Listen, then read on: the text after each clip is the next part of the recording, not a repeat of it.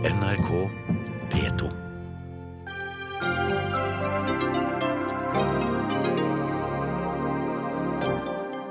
OL-entusiastene gir ikke opp. Nå foreslår de å spre lekene til hele Østlandet og kutte prislappen med 10 milliarder.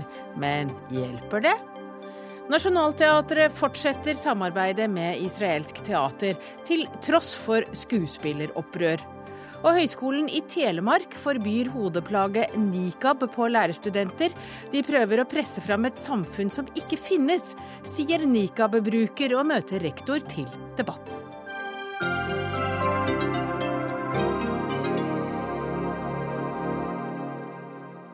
Men vi rekker også innom kinabunader og forskning som sier nei til åpne kontorlandskap før klokka er sju. Velkommen til denne fredagsutgaven av Dagsnytt 18. Jeg heter Hege Holm. Og aller først så skal vi til Storbritannia. For i ettermiddag ble terrortrusselnivået hevet fra betydelig til alvorlig. Og det er det nest høyeste nivået. Espen Aas, du er vår korrespondent i London. Hvorfor gjør de det? Denne gangen er det ikke fordi at de vet om at eh, et angrep er nært forestående, slik som man antok eh, i Norge, men nå handler det om at eh, trusselbildet pga. hendelsene i Syria og Nord-Irak er såpass utvidet at de ønsker å være på den sikre siden, og dermed heve trusselnivået fordi at faren for et angrep på britisk jord er svært sannsynlig. Ja, Statsminister David Cameron har jo akkurat holdt pressekonferanse. Hva er det han sier? Han sier at dette er en trussel som kommer til å vedvare. Dette er en trussel som kan mm, vedvare i flere år, ja kanskje tiår, pga. en svært giftig ideologi, som han sier, nemlig den formen for islamisme som gruppen som påberoper seg navnet islamsk eh, stat har. Og vi, holdt jeg på å si, britene snarere, har jo minst 500 eh, jihadister som når som helst kan finne på å sende noen tilbake til Storbritannia, som kan komme inn igjen med sitt britiske pass og sånn sett utføre en terrorhandling. Noen mener jo også at eh, det antallet eh, jihadister kan være tre ganger så høyt, altså oppimot 1500. Og ut fra det vi har sett de mener om sitt tidligere hjemland, så er det kanskje grunn da, eh, sett med myndighetenes øyne, å heve dette trusselnivået. Men, men vil en skjerpet beredskap i Storbritannia nå merkes av folk flest i hverdagen? Altså, jeg har jo bodd her noen år i mitt voksne liv og opplevd dette før. Du vil se langt mer bevæpnet, tungt bevæpnet eh, politi, f.eks.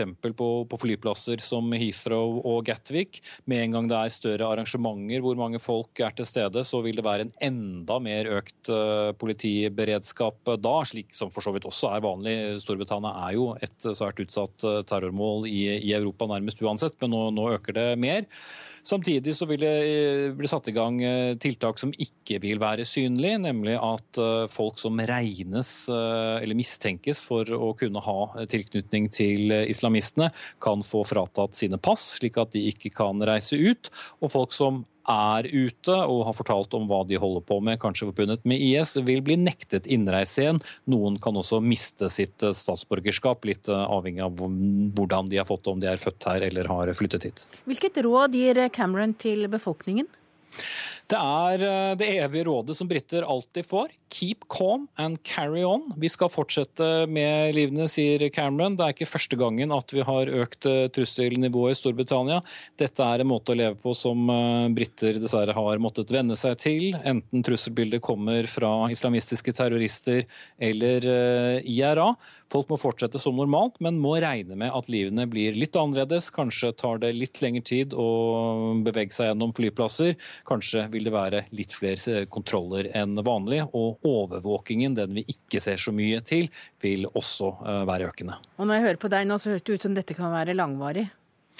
Ja, som sagt, Cameron snakker om at uh, dette kan være noe vi må regne med å ha i flere tiår uh, fremover. Uh, frykten er ganske stor for at det som nå er satt i gang med denne gruppen som påberoper seg dette kalifatet i, Nord-Irak og, Syria, har klart å vokse seg såpass store at det kan holde på en stund. Og USA og Storbritannia, sammen med mange andre vestlige land, er steder de ikke har så stor sans for. Takk til deg, Espen Aas. Música Oslo-OL 2022 vil nå kutte utgiftene med opptil 10 milliarder kroner, og så foreslår de å spre lekene til hele Østlandet. Dette er vel i håp om å skape en bredere interesse for lekene. Og Stian Berger Røsland, du er byrådsleder i Oslo. Men du er ikke bare det, du er også leder for Oslo 2022. Og det er jo et ordtak som heter å piske en død hest. Er det det dere nå skal prøve?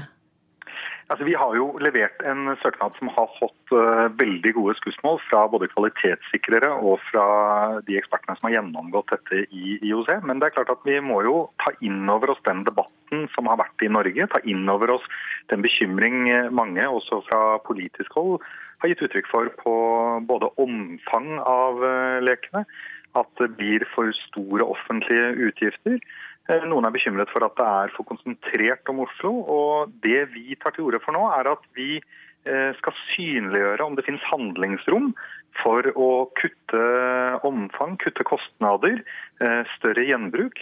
Men det er jo slik at søkekomiteen ønsker å stå på den søknaden vi har sendt.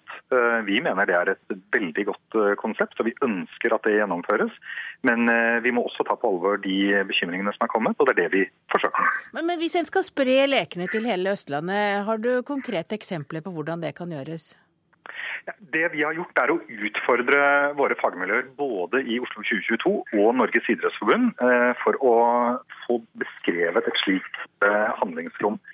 Det eh, betyr at man kan selvfølgelig se på anlegg og, og omfanget av det. Man kan se på infrastruktur, ulike tiltak. Vi, og, ulike grep og et slikt rom så fort det er på plass. i neste uke, onsdag eller torsdag. Du hadde en litt susete linje, men der kom du sterkt tilbake. Men Rune Gerhardsen, du er president i Skøyteforbundet. Du synes ikke ideen om å ha et delt OL med flere arrangementer i dalstråka innafor er så veldig smart? Nei, meningen med at Oslo søker OL, er jo at Oslo skal arrangere OL. Og jeg syns i den eh, det konseptet som foreligger, har vi fått til en fenomenal balanse. Både mellom gjenbruk, som vi har i stor utstrekning, eh, flere enn de aller fleste OL noensinne, eh, og nye anlegg som byen trenger, enten vi skal ha OL eller ikke. Og vi har en god balanse mellom det som skal være i selve Oslo, eh, det vi sprer rundt til nabokommuner, og det som er helt naturlige årsaker må legges andre steder, for vi har ikke så bratte bakker som de har oppe i Kvitfjell. Så den balansen syns jeg er fremragende. Eh, det er et opplegg som er kvalitetssikret eh, økonomisk, ikke bare av Finansdepartementet, men av uavhengige konsulenter. Og som Stian Røsland, Berger Røsland sa, så har de jo høstet Eh, godord eh, over en hel verden som er interessert i hvordan et vinter-OL Men det, det, som mangler vel, er jo interessen og engasjementet og lysten og viljen eh, fra nordmenn flest til å arrangere et Compact Games i Oslo? Jo, men den skal jo være altså, dette, Jeg tror vi må ta inn over seg at et OL det er ikke en samling individuelle verdensmesterskap. Sånn at du kjører liksom ski kan holde på ett sted, og så kan skøyter holde på et helt annet sted, og så har du noe tredje sted for, for ishockey. Tanken med OL er jo å samle idretten. Det er jo det som er det visjonære, at en, en, gang hvert fjerde år så skal alle vinteridrettene samles og bygge et idrettslig fellesskap omkring de konkurransene som skal være. Gi, gi publikum i området en anledning til å, til å møte ø, flere øvelser i, i nær et, innenfor et lite område. Et av våre store fortrinn er at vi kan ta trikken til de fleste av arenaene. Og det er jo helt eh, ekstraordinært for olympiske leker. Ja, Berger Røsland, det blir jo et problem hvis det f.eks. blir skøyteløp i Vikingskip og hopprenn i Vikersundbakken og i skiskyting eh, på Lillehammer? Jeg, er jo enig med Rune Gerhardsen i beskrivelsen han, av, han gir av, av søknaden, og, og, jeg ønsker jo at det er den vi, vi, skal gjennomføre.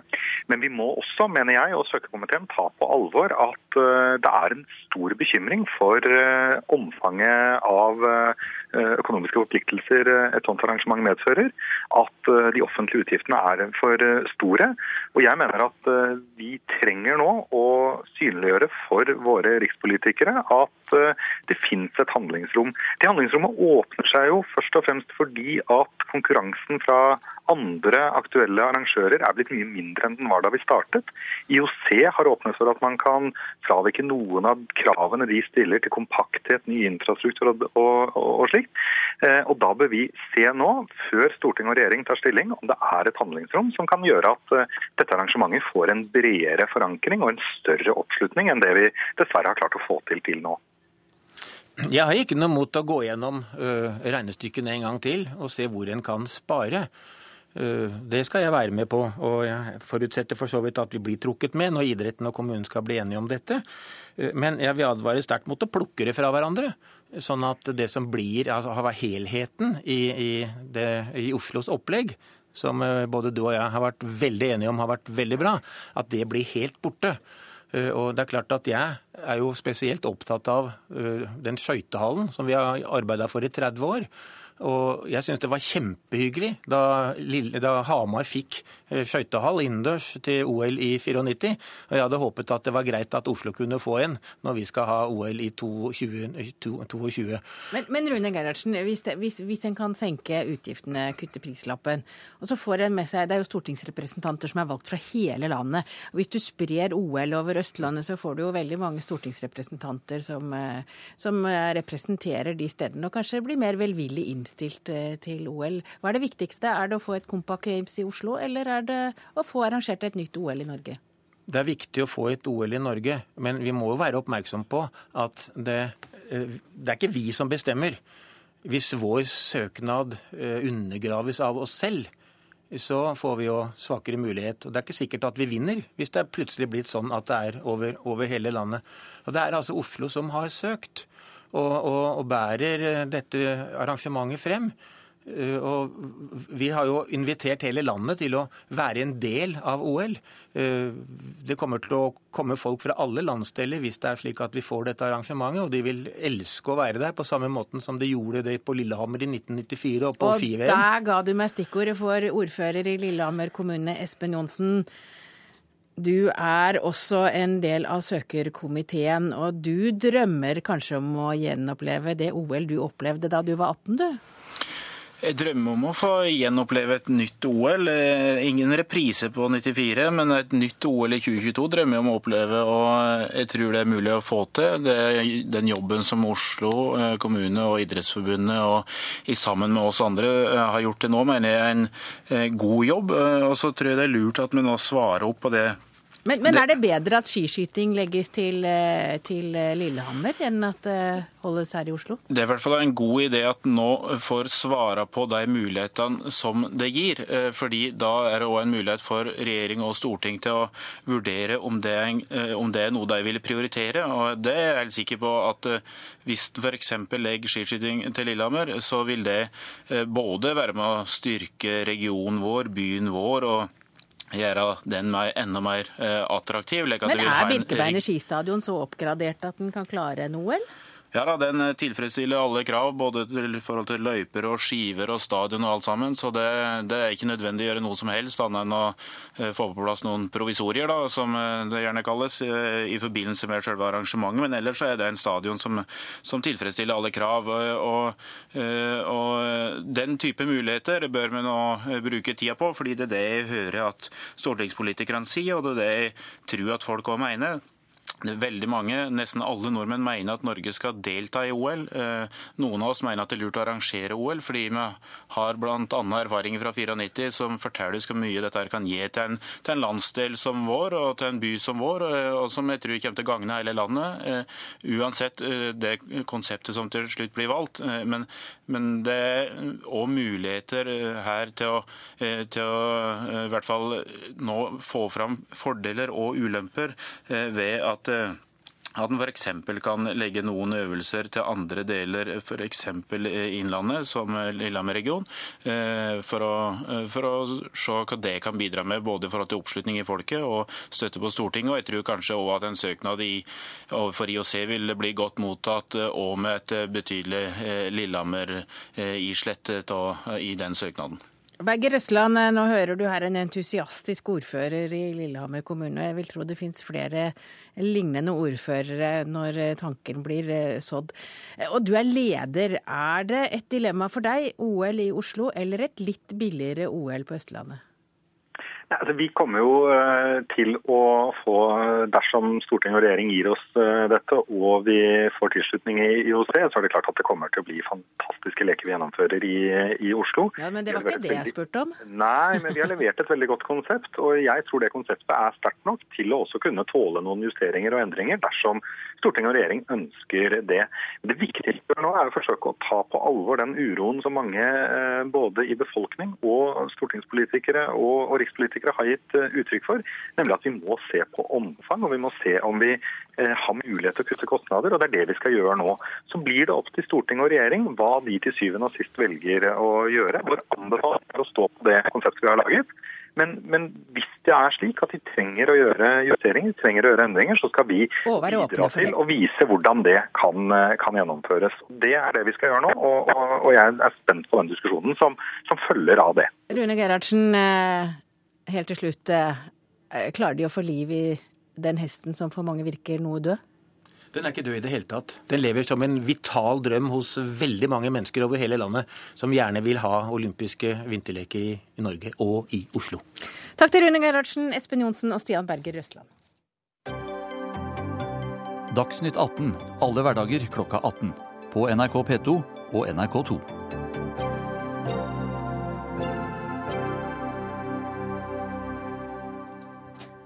Høgskolen i Telemark nekter en student å møte på lærerstudiet fordi hun bærer et heldekkende hodeplagg, en såkalt nikab.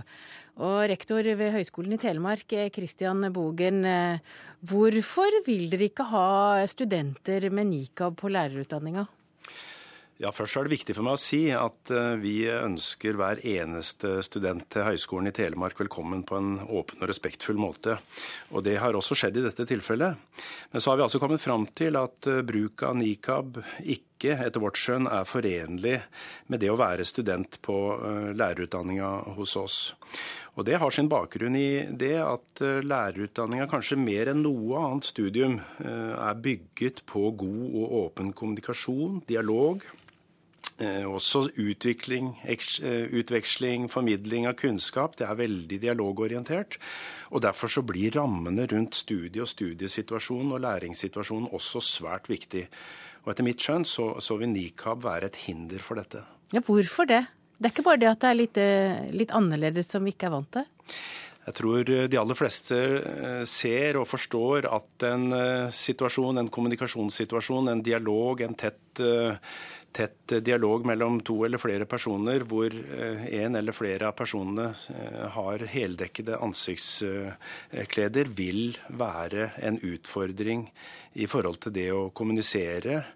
Eh, vi vet jo det at kommunikasjon er veldig mye mer enn ord. Det er mye med kroppsspråk, mimikk, ansiktsuttrykk osv. Eh, og I den forstand så er dette en utfordring knytta til det vi skal gjøre i en utdanning, nemlig formidle kunnskap, utvikle eh, selve mennesket og ha refleksjon rundt eh, fagene. Du har snakket med studenten i dag. Kommer hun til å ta av seg hodeplagget for å forfølge studiet? Det gjenstår å se. Jeg har lyst til også å understreke at dette er en veldig voksen, reflektert Eh, klok student som vi både har hatt veldig god dialog med og fortsatt har veldig god dialog med.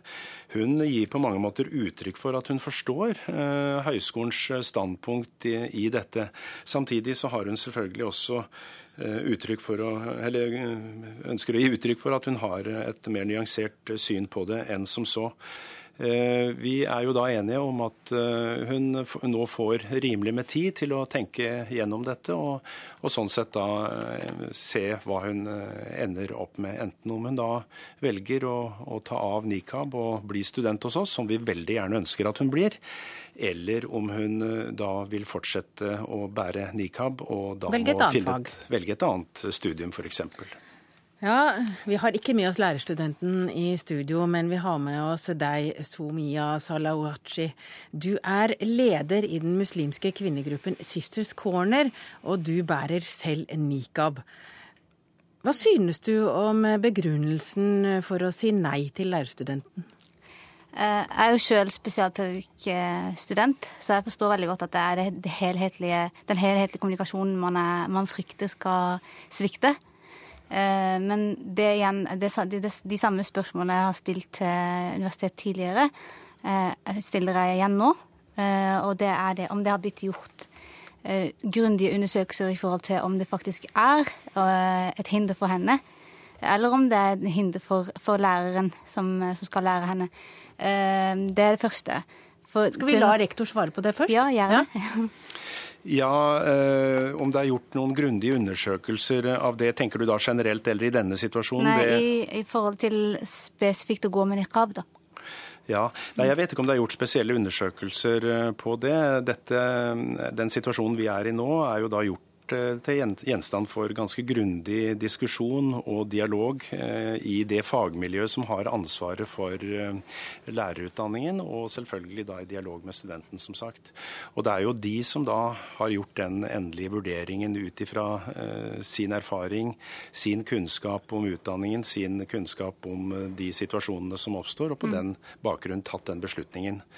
Men, men så mye, ser du eh, noen begrensninger selv for en pedagog som i møte med barna bare viser fram øynene sine? Det er akkurat der jeg syns det, det, er derfor Altså, jeg har, ingen, eh, jeg har ingen tvil på at de har masse kunnskap, men den kunnskapen om niqab, den har de ikke.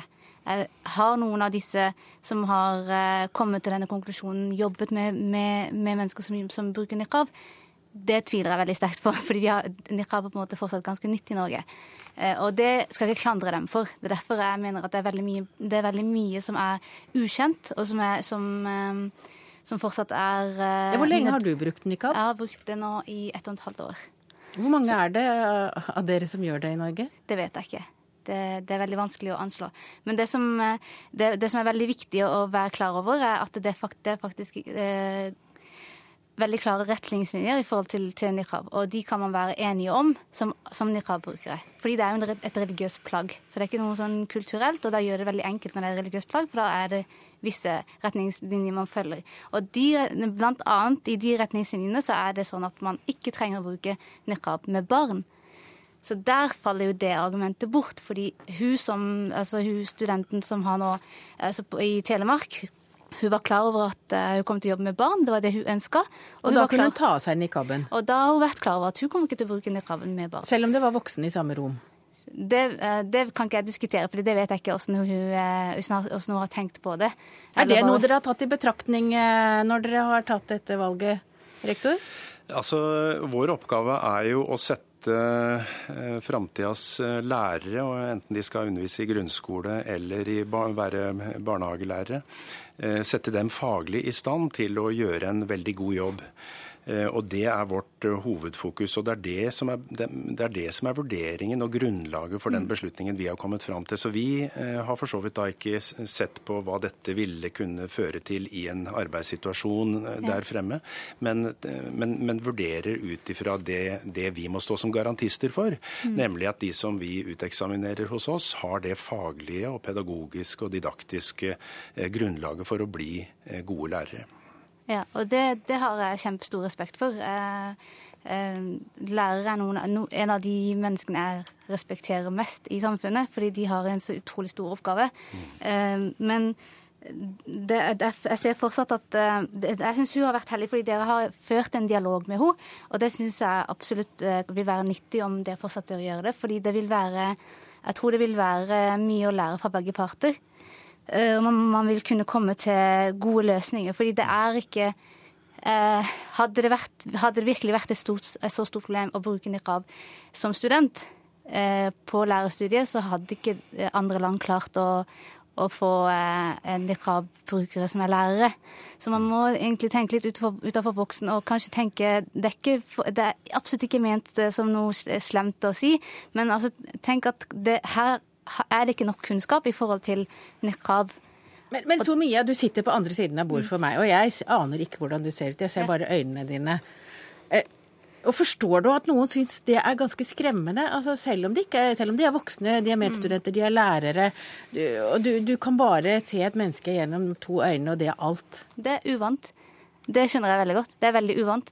Men det, har, det eneste jeg kan si, er at jeg har erfart For jeg går jo og er jo ofte nervøs for å møte nye mennesker. Jeg vet at de kommer til å oppleve det litt forskjellig fra person til person.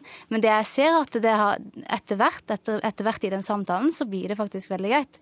De, de lærer å, å, å, eh, å, kommunisere med meg på en god måte, selv om de ikke ser eh, nesa og, og munnen min. De ser ikke rynkene, og de ser ikke eh, smilet. Men nei, de kan nei, høre så, så kan du si at det kan være en fordel. 30, 38 av, eh, av helhetlige, den helhetlige kommunikasjonen, ifølge hva jeg husker fra universitetet, var, at, var det å forstå Altså at vi tolker eh, språk eh, mye gjennom åssen ting blir sagt. Eh, og så er det bare 7% som faktisk er ordene i seg sjøl. Og så har man da 50 man anslår 55% som er da kroppsspråket i sin helhet. Og da, det eneste jeg da mangler, egentlig, det er rynkene rundt disse øynene her, og nesa og munnen. Men du har veldig mye annet du fortsatt kan Rektor ved Høgskolen i Telemark, Christian Bogen, er det endelig avgjørelsen tatt i denne saken? Eh, som jeg sa, så har vi fortsatt en veldig god dialog med studenten. Og jeg, som jeg har gitt uttrykk for til henne i dag også, så håper jeg virkelig at vi får henne som student. Fordi hun ga inntrykk av å være en, en reflektert, flott eh, jente som jeg er helt sikker på ville hatt veldig mye å tilføre norsk skole. Eh, og Derfor så håper jeg at hun eh, kanskje revurderer eh, den posisjonen hun har tatt nå, ved å bruke nikab, og at hun sånn sett kan la den falle i undervisningssituasjonen, og selvfølgelig stå fritt til å bruke den når som helst og hvor som helst ellers, ellers på, på Høgskolen i Telemark. Ja, helt kort, Somia, Er det greit om hun tar av seg den i timene? Det er hennes personlige valg. Men, men får, det, er noe, det, er ikke sånn at dere i Sisters Corner da kommer og sier hallo, hallo? Absolutt ikke. Har, er det noen som har eh, forståelse for hvor vanskelig eh, dette, her, dette, her, er, så er det oss vi går gjennom hver dag. Så vi, har, vi støtter henne fullt ut uansett hva hun gjør. Takk til Christian Bogen, rektor ved Høgskolen i Telemark. Takk også til deg, Sumia Salawachi, leder i Sisters Corner.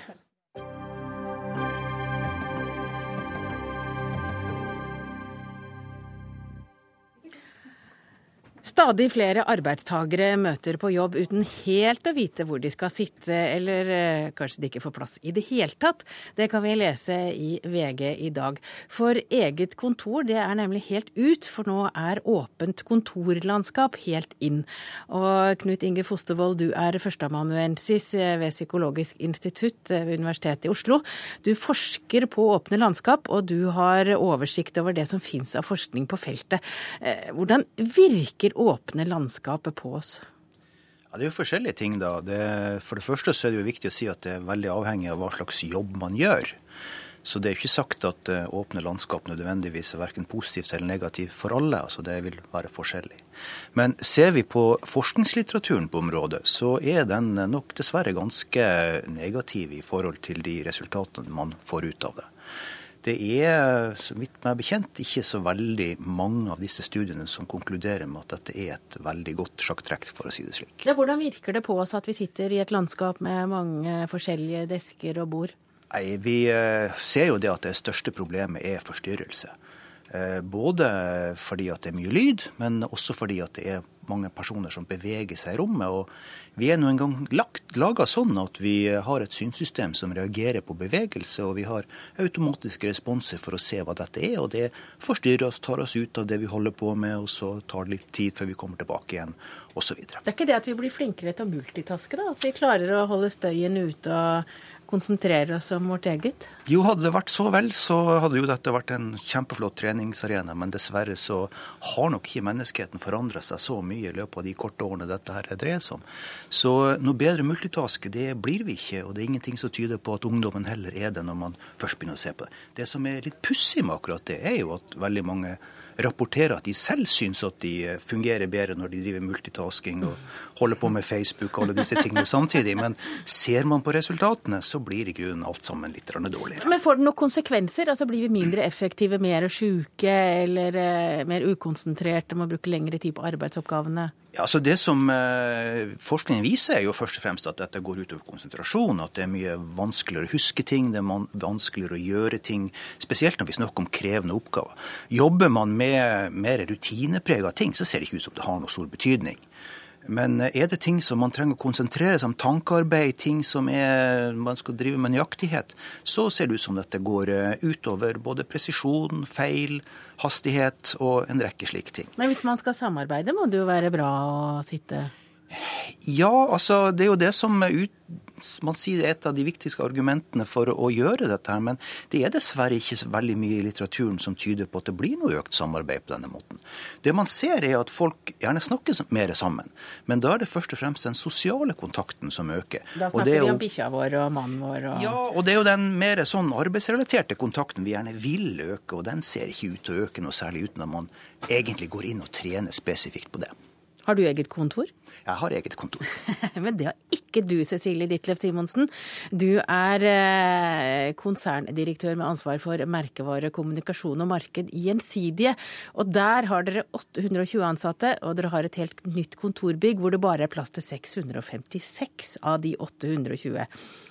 Hvorfor en slik stollek i et kontorlandskap? Ja, Stollek er det ikke, men jeg har lyst til å si at nei, jeg har ikke eget kontor. Og det er det ingen som har. Heller ikke konsernsjefen vår har eget kontor i eh, vårt nye bygg i Sveigårds gate i Oslo. Eh, og når du sier at det er bare plass til noen av oss, så er det ikke helt riktig. Eh, vi har færre arbeidsplasser, ja, enn det er ansatte som sogner til bygget. Men det er mer enn nok plass. Eh, for folk eh, å jobbe. Eh, det er sånn at vi har, som du sa, 820 ansatte omtrent. 600 arbeidsplasser. Men det er mange flere plasser enn det man kan sitte i bygget. Vi har lagt veldig stor vekt på at det skal være mange stillerom hvis man har lyst til å være for seg selv. Det er arbeidsrom hvor det skal være full stillhet hvis man ønsker det. Og det er mange fellessoner. Alt fra langbord på kjøkken i hver etasje til en kjempefin spisestue, som vi kaller kantinen vår. Eh, hvor det går an å også sitte og jobbe og, og, prate sammen. Og vi ser jo også selvfølgelig på hva forskningen eh, viser, men våre egne undersøkelser så langt tyder på at folk er fornøyd.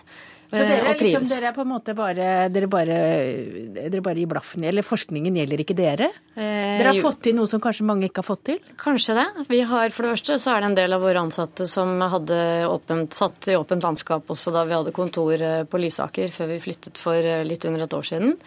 Så har vi forberedt denne flyttingen veldig godt. Vi har hatt pilotkontor, involvert de ansatte i valg av alt fra møbler til hvordan man skulle sette sammen arbeidsstasjoner osv. Eh, og så har vi jo investert, som jeg sa, i et veldig flott bygg som, som folk syns eh, de trives i. Støy, eh, small talk, ja. altså mangel på konsentrasjon Vi har gjort én undersøkelse foreløpig blant alle ansatte i bygget som viser at stort sett så er folk fornøyd. Noe av det som er veldig positivt, er at det er lyst.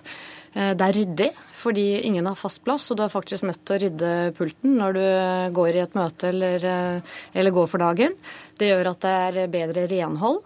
Eh, så har vi lagt vekt på eh, gode kaffemaskiner og bra møterom og, og, teknologiske virkemidler som folk er veldig fornøyd med. Og jeg har lyst til å si at det, For oss har dette vært et prosjekt for ikke bare, spare, ikke bare å spare penger, selv om vi bruker vesentlig mindre på dette bygget enn det forrige. Ja, Men dette er en del av organisasjonsutvikling for oss. For vi ønsker å rive ned siloer mellom avdelinger. Vi ønsker at folk skal jobbe sammen på nye måter. Vi har ønsket å redusere eh, bruk av papir, og ønsket å bedre miljøet. Eh, ja, og sånn sett har Det vært veldig... Det høres ut som eh, de har klart å legge gullegget? Ja, det høres jo positivt ut. Eh, nå skal jo ikke jeg uttale meg om hvordan de har det, for det vet jeg egentlig ikke. Men, men, det er klart at uh, det er mange som ønsker å gjøre de samme tingene. Og uh, der man har undersøkt dette her, så ser man at dette er ikke så enkelt. Altså Skal man få til samarbeid, så må man faktisk trene på samarbeid. Skal man få til organisasjonsendringer, så vet vi at det tar tid, og det krever masse jobb. Men eh, det kan vel i hvert fall se ut som om åpne, moderne kontorlandskap er noe som kommer til å fortsette ganske mange år fremover. For det er mange bygg som ikke rives på kort sikt. Fostervold. Så du kan bare fortsette å forske. Du kommer til å få mange nye bedrifter å forske i. Takk til deg. Du er Førsteamanuensis ved Psykologisk institutt eh, her ved Universitetet i Oslo. Og takk til deg, Cecilie Ditlev Simonsen, du er konserndirektør i Gjensidige. Hør Dagsnytt 18 når du vil. Radio NRK.no.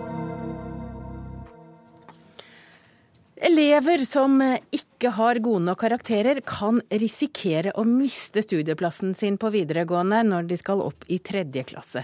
Regelverket ble strammet inn i fjor, og nå merker de første elevene konsekvensene av å få dårlige karakterer. Rektor ved Drammen videregående skole, Kristine Novak, på din skole har 60%, nei, 60 elever, men jeg mistet plassen i høst. Hvordan oppleves det? Ja, det gjelder både elever i andre og tredje klasse, det er 60 elever. Ja, Det er folk som skal rykke opp ett trinn. Ja, ja, det er poenget. ikke sant? At eh, de må søke hvert år for å komme til neste trinn. da. Og jeg opplever at eh, mitt samfunnsmandat som rektor er også å si noe om de konsekvensene jeg ser av eh, det systemet. Og hvordan jeg mener det ikke understøtter læring på en best mulig måte, og hvor det også er mange ungdommer som betaler en ganske høy pris. Ja, Hva gjør de da når de ikke får rykke opp? Nei, altså eh, det er jo sånn at De må begynne på skoler i, for vår del, som da en skole i Drammen, så må de da begynne på en skole i en annen altså Hvis de velger en offentlig skole, så er det en skole i nabokommunen, og de må reise dit. Men så kan man jo tenke seg hva det vil si, da, eh, hvis man ser for seg en ungdom som har gått to år på vår skole, og som da det tredje året må reise til en annen skole, et helt nytt miljø og i tillegg har med seg, vil jeg anta, en følelse av ikke å ha lykkes. Og den manglende mestringsfølelsen, eh, den er ganske alvorlig for læring, fordi vi vet at eh, mestring er en forutsetning for læring. Eh, jeg har også lyst til å si at ytre sett så er jo jeg rektor på en skole som egentlig tjener litt på ordningen på den måten at vi nå Eh, har høyere inntakskrav. For det er jo selvfølgelig en forutsetning for at eh, mange av våre elever ikke har kommet videre. Men vi ønsker å være en skole som eh, faktisk er en god skole for alle elevene våre, og hvor vi gir dem en læring basert på deres potensial. Betyr det at du ikke ønsker at denne ordningen skulle bli Altså du, du liker ikke ordningen. Du syns at hvis de først har kommet inn på din skole, så skal de også kunne gå der i tre år? Jeg ønsker det, men veldig klar over at dette er en ganske kompleks sak som mange skolefolk har mange ulike meninger om. Men jeg synes at omkostningene for de elevene som da må bytte skole mens de går på videregående skole, er høy. Og jeg mener også at det ikke eh, er Det gir ikke de beste forutsetninger for læring. Jeg har lyst til å si, legge til at dette skaper et veldig stort karakterpress, og jeg mener et for høyt karakterpress. Noe karakterpress er det ganske bred enighet om kan være bra. Eh, men vi vet at, eh, eller jeg frykter at vi får kanskje en opplevelse at elevene opplever at de blir konkurrenter i stedet for læringskollegaer. Og vi vet at mye forskning nå viser at ungdom i Norge mange ungdommer melder at de har psykiske helseproblemer. Og jeg mener at et for stort karakterpress vil kunne bidra til det vellykkhetspresset eh, som vi har dag. Takk til deg, Kristine Novak. Du er altså rektor ved Drammen videregående skole. og Du har ikke noe lyst til å diskutere dette, her, men nå har du sagt hva du mener sett fra ditt eh, ståsted. Men vi har med oss deg, skolepolitisk talsmann i Høyre, Henrik Asheim. Eh, vel, nå hører vi rektor her. Hva syns du egentlig om, om dette tiltaket? Er du fortsatt fornøyd? Ja, altså Nå er ikke jeg skolepolitiker i Buskerud, men jeg er veldig for fritt skolevalg som modell. Konsekvensen er vel det samme over hele landet? Ja da, dette modellet jeg kjenner godt fra mitt eget hjemfylke Akershus også, hvor jeg har vært fylkespolitiker, så, så, det gjør jeg. Og Det er klart at det som er fordelen med fritt skolevalg, det betyr at elevene får lov til å ikke bare sette opp linjeønsker, men også hvilken skole de vil gå på. Det bidrar til to ting. Det bidrar til at elevene faktisk får muligheten til å velge. altså i den forstand at Det finnes jo noen elever som ikke vil gå på nærskolen sin. De vil kanskje bytte miljø. De vil kanskje gå på en linje som ikke nærskolen har. Og så ønsker de da å søke seg dit. Alternativet til fritt fritt skolevalg, er jo at vi politikere tegner en eh, krets rundt hver skole og sier at de som bor innenfor den kretsen, de skal gå på den skolen. Men hvorfor, men hvorfor må man da søke seg hvert år? En ting er jo at du kommer inn på den skolen du har lyst til å gå på, for du har gode karakterer, eller du har gode nok karakterer. Men, men hvorfor må du da søke hvert år? Fordi Hvis man skal ha fritt skolevalg eh, for elevene, ikke bare når de skal velge første gang, men også underveis i skoleløpet, så må det bli slik at alle elevene må søke en gang til. Bare for å si Det det er løst på litt forskjellige måter i forskjellige fylker, akkurat dette med andre- og tredjeåret. Og Dette er så vidt jeg har skjønt første gangen at man har det i tredjeåret i Buskerud. Eh, og jeg er helt sikker på at politikerne kommer til å følge at hvis det får helt urimelige utslag for mange elever, så må man jo se på hva man skal gjøre med det. Ja, du likte ikke egentlig det du hørte nå, gjorde du det? Altså jeg tror ingen syns det er bra at noen elever må bytte skole eh, mot sin vilje. Men det som er viktig er å si at det går jo an å gå ett år på en skole, eller til og med to år på en skole, og så ønske å bytte skole. Altså si at jeg ønsker faktisk et annet miljø, eller jeg ønsker å bytte linje og fag. Og da må det også være slik at hvis, altså så langt det lar seg gjøre, og det gjør det de aller fleste fylker, så vil inntakskontorene klare å finne plass til de elevene som ønsker å bytte. Men når du til slutt står i en situasjon hvor to elever ønsker den akkurat samme skoleplassen, ja, så må det være en måte å bestemme hvem som skal få den, og da er karakterene den måten man gjør det på i et fritt skolevalg. Hovedtillitsvalgt i Utdanningsforbundet avdeling Buskerud, så du kjenner situasjonen, Tom Bjørnar Jambakk. Hvilke konsekvenser har dette systemet for elevene? Vel, først må jeg si at jeg hører jo politikeren her kalle det fritt skolevalg. Og det er en retorisk tilsnikelse. For skolevalget er jo ikke fritt. Det er karakterbasert skolevalg. Ja, Du mener at det er ikke fritt i den forstand at du velger fritt? Det er avhengig av hvilke karakterer altså, du har? En analogi vil være at jeg kan også fritt velge hvilken bil jeg skal kjøpe. Men jeg kjører altså ikke Lexus likevel. Eller grunn, Tesla. Eller Tesla. Og det er en grunn til det. Så, så sko, man kan ikke velge fritt. fordi at hvis du har dårlige karakterer, så, så kan du altså ikke velge den skolen du vil på. Og Før så var det slik at man fikk plass på den nærskolen, altså nærmeste skolen. da. Men, men, da kunne du også søke på andre programmer som lå utenfor den kommunen du bodde i. Slik at det, det, hadde vi, det var mulighet før også da. Og Vi er også opptatt av at, at uh, gjennomføring, altså økt gjennomføring i skolen. Og med det som rektor Novak her har beskrevet, så, så ser vi altså det her vi er veldig redd for hvordan det går med gjennomføringen. da til elevene. Hvilke signaler har lærerne gitt gjennom dette systemet og karakterpresset? Lærerne er bekymra for det karakterpresset som, som, blir i klassen. Det blir en segregering også inne i klassen. Det blir dårligere samarbeid på skolen, for elever har en tendens til å f.eks. holde på kunnskap, ikke dele med seg. Fordi de er så opptatt av å, å få de beste karakterene at de, at de syns samarbeidet kan bli vanskelig. Uh, og tenker på Mohammed for eksempel, som begynner på første klasse på Drammen videregående skole, og som må, da vet at han må kjempe hvert år for å få så gode karakterer at han kan fortsette på sin nærmeste skole. Og hvis han ikke klarer det, så kan han miste plassen i sin egen klasse og måtte ta bussen et stykke for å gå på skole. Det kan jo være at resultatet her, i hvert fall i Buskerud, virker som det er taperne som taper på dette også, Asheim? Nei, altså Det er det ingenting som tyder på. For det første så er det slik at det er helt riktig som blir sagt her, at Buskerud tidligere også kunne man ønske seg til skoler, men det var ikke noe automatikk i at det ble lagt vekt på. Det er altså slik i dag med dette systemet at flere elever får førstevalget sitt både på skole og linje enn det var med det forrige systemet. Så dette er jo bedre for flere elever enn det det forrige systemet var. Og så sier jeg ikke... Er du enig i det, Jan Bach? Nei, jeg er ikke enig i det. det var, Vi hadde jo aldri noen tilbakemeldinger fra elever som ikke fikk, som hadde problemer med å få den, det programmet som de hadde søkt på før. Så, så det er jeg uenig i. Men jeg er ikke uenig i at det fell for. Jeg er ikke uenig at, at det får førstevalget sitt, men vi er opptatt av de langsidige konsekvensene. og Vi ser jo i Oslo, som har hatt dette systemet lengre, der har jo blitt en øst- og vestkantskole. Det er sentrum- og vestkantskoler som får de, de elevene med best karakterer. Mens de andre som ikke får så gode karakterer, de må altså stille bakerst i køen. Og Konsekvensen av det er jo akkurat det som rektoren her sier at de får en, en, følelse av at, at det ikke lykkes. Og da vil de heller ikke gjennomføre. Altså det, det, du sier nå er positivt feil. For det første så er det slik at jeg er glad for at du Nå, Asheim. Jeg vet det er ja. to mot én, så du skal få ja. siste replikk. Ja, takk skal du ha. For det er altså slik at Oslo er et veldig godt eksempel på det. Alternativet, den modellen du er for, vil bety at du låser elevene i den bydelen de opprinnelig bor i. Det jeg sier er at en elev skal få lov til å velge skole på tvers av bygrensene dersom de ønsker det. Og helt til slutt så står vi da overfor en situasjon hvor enten så skal politikerne bestemme for eleven, eller så skal eleven få lov til å velge skole selv. Og i det valget der så er jeg veldig overbevist om at den enkelte eleven vet bedre enn oss politikere hvilken skole de skal gå på. Takk til Henrik Asheim, skolepolitisk talsmann for Høyre, Tom Bjørnar Jambak, hovedtillitsvalgt i Utdanningsforbundet.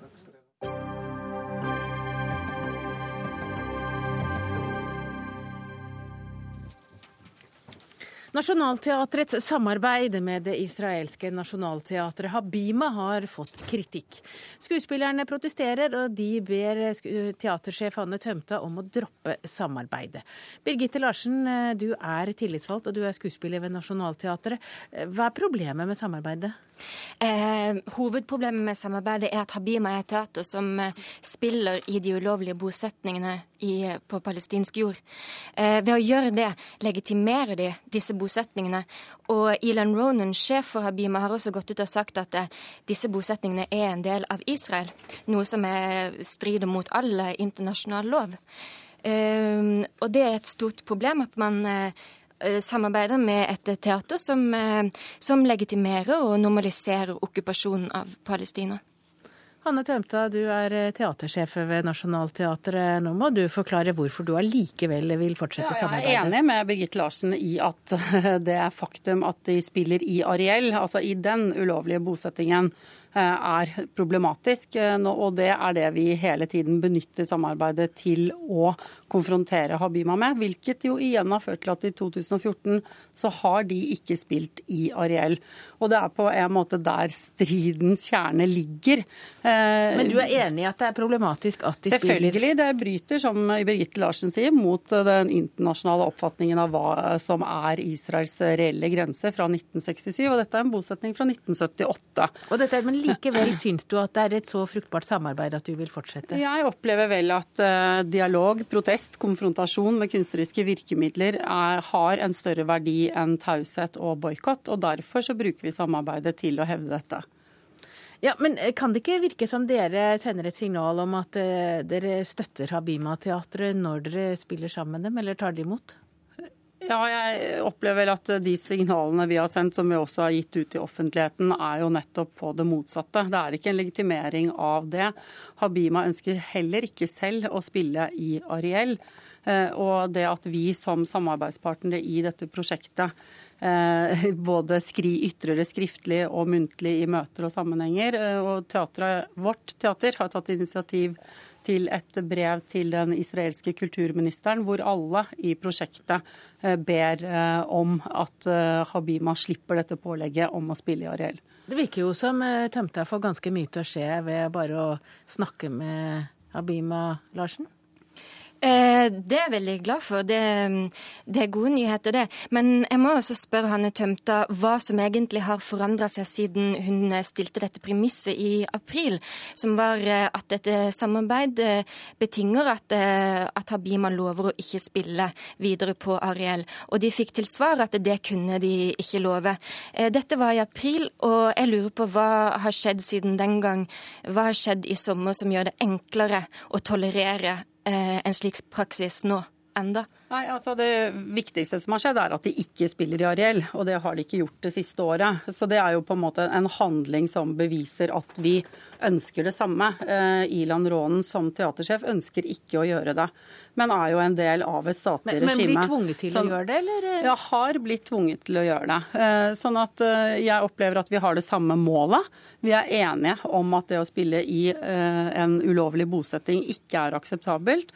Og jeg opplever at de også handler etter det de sier. Eh, Ilan Ronen, eh, Ilan Ronen eh, sier at eh, Ariel er en del av Israel. Han regner Ariel som en del av Israel. Han sier at siden vi er et israelsk teater, så er vi nødt til å spille i hele Israel, innbefatte Ariel. Eh, det vil si at han ser helt annerledes på okkupasjonen enn både meg og Hanne Tømta gjør. Det, det, det, kjenner ikke jeg igjen i forhold til det Ilan Ronen sier. Jeg opplever jo at Habima som teater i de siste årene hele tiden tar forestilling inn i repertoaret som problematiserer bosettingene. De får jo reaksjoner fra den høyreekstreme israelske siden om at de eh, sier det de gjør, og er jo en motstemme til regjeringens politikk. Så jeg mener at Ilan Rånen sier mer og annerledes enn det du hevder å gjøre nå. Men hvorfor er du sikker på at boikott er det riktige?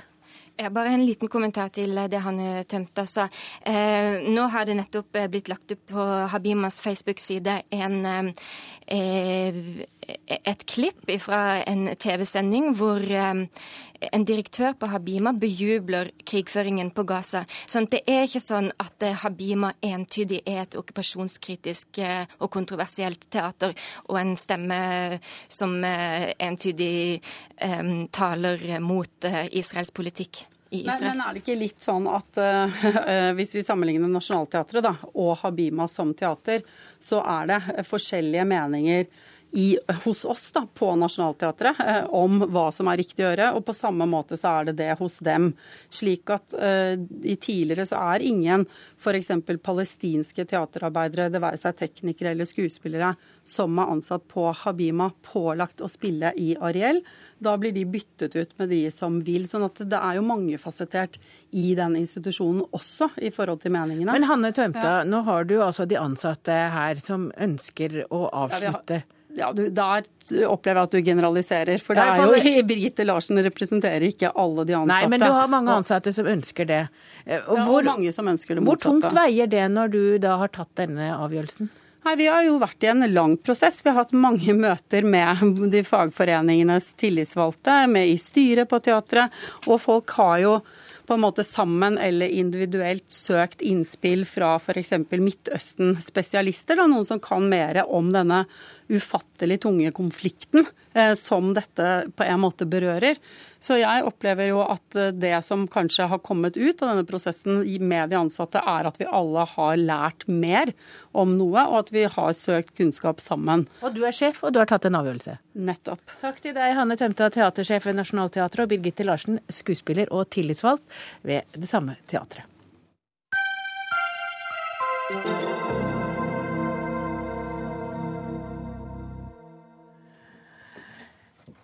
Den aller siste debatten i kveld den pleier egentlig ikke å dukke opp på denne tiden av året. Det er en typisk sånn 16. Eh, mai-debatt. Vi skal snakke om bunader, som er noe av det mest populære plagget en kjøper. Også nå på sensommeren, for Norges Husflidslag mener at de som produserer billige bunader i utlandet, de er nå med på å svekke norsk kulturarv. Og Marit Jacobsen, du er direktør i Norges Husflidslag, og da med på å lage et av de mest populære, eller det er jo mange av dem, men bunad er i hvert fall et av de mest populære plaggene å kjøpe. Eh, hvorfor gjør det noe at det produseres bunader både hos dere og i Kina? Ja, Bunadtradisjonen er unik i Norge. Den er mange som misunner oss den. Og dette er en tradisjon som er bygd opp over mange mange generasjoner. Og det ligger masse, tusenvis av timer bak. Men den, eh, den, er viktig at vi holder på den i Norge for at vi, vi trenger å ha kunnskapen, for ellers kan den bli borte. Eh, konkurransen mot utenlandsproduserte bunader er stor. Eh, men de opererer på, et, på under helt andre betingelser og med helt andre lønninger enn det vi, eh, vi har her i Norge. Ja, Dere har jo i mange år sagt at dere frykter useriøse aktører. Men jeg så jo en blindtest i Bergens Tidende i fjor vår, hvor eh, en av de mest drevne bunadsyrskene på Vestlandet ikke helt, nesten ikke så forskjell på en bunad laget i Kina og en som var sydd av en lokal eh, håndverker. Vi, vi, diskuterer ikke nødvendigvis hva slags kvalitet det er, men det er veldig mange tradisjoner som står i fare for å bli borte hvis vi ikke tar vare på den kunnskapen i Norge. Eh, Norge, eh, Norge, har ratifisert Unescos konvensjon om immateriell kulturarv. Og denne kulturarven som vi har her, den er en viktig handlingsbåren kunnskap. Hvis vi ikke kan ta vare på den i Norge, hva er det da vi skal ta vare på?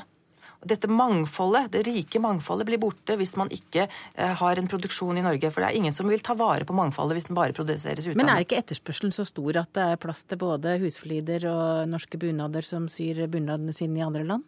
Det er stor etterspørsel, og det er veldig veldig bra. Eh, men det, vi er opptatt av å skape, opprettholde mangfoldet og sikre at vi har den spesielle tradisjonen fra de forskjellige delene av landet. Eh, ventetid det skaper jo attraktivitet, og det er kjempebra. Men hvis bunaden blir for billig, for å si det sånn. Så Eller ikke- fort laga. ja, hvis du får den fort laga, og hvis den blir for billig, så vil ikke folk betale for den. Og da vil de heller ikke betale for en bunad som det koster timetusenvis av timer å lage. Og da undergraver man en hel næring. En næring som egentlig ikke har så mange marginer, og som trenger absolutt å kunne omsette og betale sine ansatte på en skikkelig måte. Ja, Martin Seten, du er logistikkansvarlig eh, for norske bunader, og du er eh, liksom eh, den store, stygge eksportøren av kunnskapen om norske bunader. Dere selger 2500 bunader i året, og de lages i Kina. Forstår dere frykten for at den norske kulturarven og håndverket kan forsvinne? Jeg tror det vi har gjort med å redusere priser, eller bidra til å redusere priser, har økt totalmarkedet. Min oppfatning er at det er plass til både oss som får brodert bunaden i Kina, vi har for så vidt en systue i Oslo der en monterer og justerer, og de lokale bunadsprodusentene som har et mye bredere lokalt utvalg. Så jeg, jeg mener det er plass til oss begge. Men det mener ikke du, Jacobsen? Ja, det viktigste for oss er at vi har virkemidler som gjør at vi tar vare på kunnskapen i Norge. Og For oss så er det viktig at det legges til rette for bedre utdanning innenfor eh, bunadtilvirkerfaget. Og sånn som det er nå, så har vi mange utfordringer.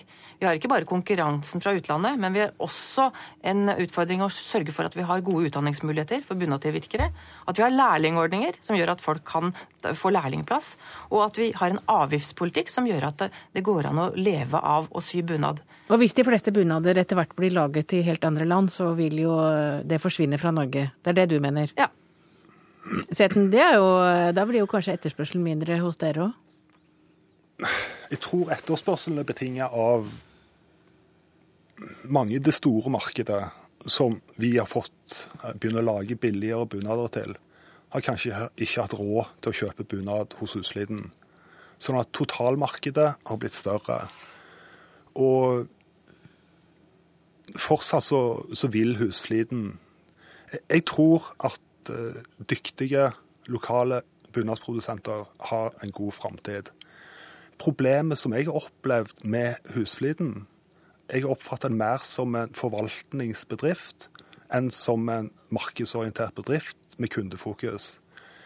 Min oppfatning er at mye av grunnen til at vi har vokst sånn som vi har gjort, er at Husfliden har vært defensive på kundefronten. Ja, Det må du svare på. Er dere mer en forvalter av, av husflidstradisjoner enn dere er en bedrift som tenker på kundene, Jacobsen? Ja, hvis ikke husflidsbutikkene og de lokale håndverkerne hadde forvaltet den tradisjonen, så hadde det ikke vært noen tradisjon å kopiere for uh, norske bunader. Firma. For det er vi som har utviklet dette gjennom århundrer. Det er vi som har funnet fram til de forskjellige gamle draktdelene. Det er vi som har laget bunadene helt fra slutten av forrige århundre. Så hvis ikke vi hadde gjort det, og hvis ikke hadde forvaltet, så hadde det heller ikke vært noen, noen bunader for, de, for, for dem å selge. Det som vi er opptatt av, det er selvfølgelig å ta vare på kundene. Det nære forholdet mellom den som skal kjøpe en bunad, som kommer i en butikk eller til en håndverker, som kommer og prøver, kommer tilbake igjen og får en helt spesialtilpasset eh, bunad til sin kropp, som kan sys ut eller inn, alt etter som behov. Og man kan få lære mye om historien bak, hvem som har sydd den. Og så kan man, eh, kan man fortelle det til, til, barna sine, man kan fortelle til den man møter på 17. mai. Det er ingenting som er så kontaktskapende som en bunad og, eller som en hund. Det, det, er, det, er, den tradisjonen. Det at vi forvalter den, det er, det er gull verdt. Det er det eneste som sikrer at vi har en levende bunadtradisjon i Norge. Vi ser ikke deg, men det ryktes at du sitter i bunad i studio i Trondheim. ja, det stemmer. Det er fordi at jeg kommer rett fra et fagseminar om bunad og folkedrakt. Men du, ønsker du at politikerne tar tak i dette her og legger begrensninger for, på kopister som syr i utlandet? Nei, vi, vi har, det er ikke vår agenda. Men vår agenda er at det skal legges bedre til rette for at man får til utdanning for bunadtilvirkere. Det er mye rigide regler knytta til skolesystemet, det må vi gjøre noe med. Lærerordninger må bli bedre, og kanskje det må være noen støtteordninger for de særlig arbeidskrevende teknikkene for at de skal kunne holdes i hevd. Og Martin Seten, det er vel noe du kan være helt enig i? Jeg er helt enig i det. Så lenge vi kjøper bunader, så kommer vi til dere når vi må vente i et halvt år for å få de på Husfliden. Ja, det kommer alltid folk til oss. Men det viktige er Tidligere i Norge så var søm og sying en del av skoleutdanningen. Det er liksom den delen som har forsvunnet i norsk skole. Det gjør at altså, nye skreddere kommer ikke til Norge. De blir ikke utdanna i Norge. Så her er det en utfordring eh, til politikerne. Takk til eh, Marit Jacobsen eh, i bunad i Trondheim og direktør i Norges Husflidslag, og Martin Seten, logistikkansvarlig i Norske Bunader. Og det var det vi rakk i denne sendinga fra Dagsnytt 18 på denne fredagskvelden. Ansvarlig for sendinga var Bjørn Atle Gildestad. Jeg heter Hege Holm, og det tekniske ansvaret hadde Lisbeth Sellereite.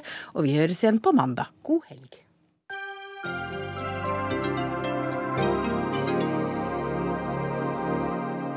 Hør flere podkaster på nrk.no podkast.